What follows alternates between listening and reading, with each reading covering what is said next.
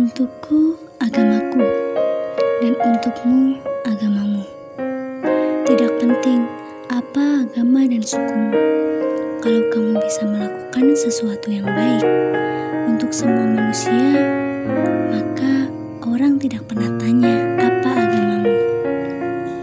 Perbedaan pastinya ada di dalam sebuah kehidupan.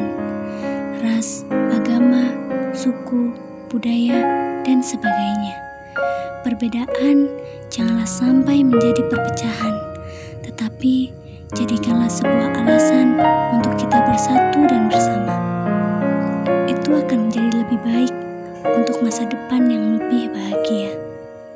Sejatinya manusia itu saling melengkapi, bukan? Seseorang tidak mungkin bisa hidup sendiri. Seseorang pasti membutuhkan manusia lain untuk mendampingi dan saling melengkapi. Memang banyak sekali sifat-sifat yang dimiliki manusia. Ada yang egois, pengalah, baik, jahat, dermawan, pelit, dan lainnya. Di sebagian orang pasti akan ada yang benci dan juga ada yang suka.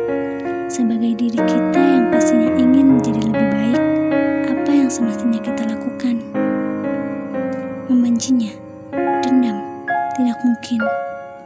Jika kita membalas orang jahat dengan kejahatan, lalu apa bedanya kita dengan dia? Manusia diciptakan dengan sifat yang beragam.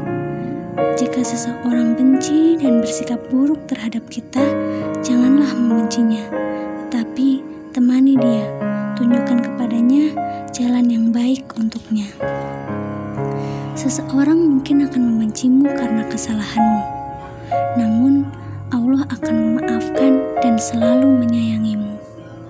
Kebencian hanya merugikan diri sendiri, maka tersenyumlah ketika disakiti. Hati tanpa benci akan membentuk jiwa yang tegar dan damai.